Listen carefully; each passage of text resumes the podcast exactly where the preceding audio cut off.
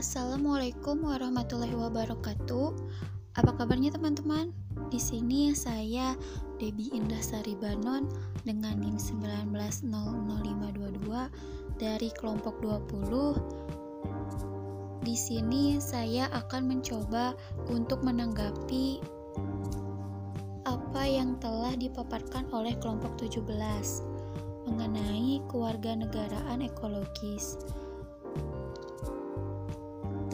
Tanggapan saya mengenai hal tersebut baik ya teman-teman karena menurut saya studi sosial yang berfokus pada kewarganegaraan ekologis ini adalah suatu upaya agar menjadikan warga negara yang baik.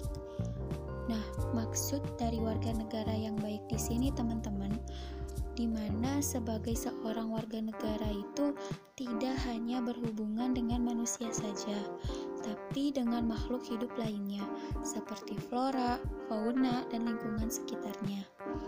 Selain itu, menurut saya, dengan kewarganegaraan ekologis ini dapat meningkatkan serta menyadarkan manusia bahwa manusia itu sebagai makhluk hidup mempunyai hak dan tanggung jawab atas masalah yang mengenai lingkungan hidup di sekitarnya. Nah, lalu teman-teman, dalam bab ini dibahas oleh kelompok 17 bahwasanya jika saya simak terdapat suatu materi mengenai program mengelola limbah sampah. Nah, teman-teman, dari PKN 2019A, menurut saya apabila dilihat di Indonesia itu sudah ada beberapa ya sosialisasi dalam mengelola limbah sampah. Salah satunya yaitu memilah antara sampah organik dan anorganik.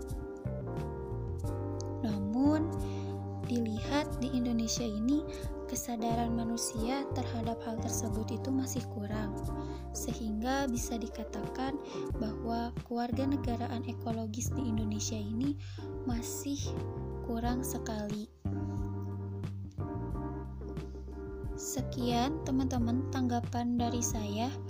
Selanjutnya mengenai komentar, menurut saya podcast dan salindianya sudah baik ya.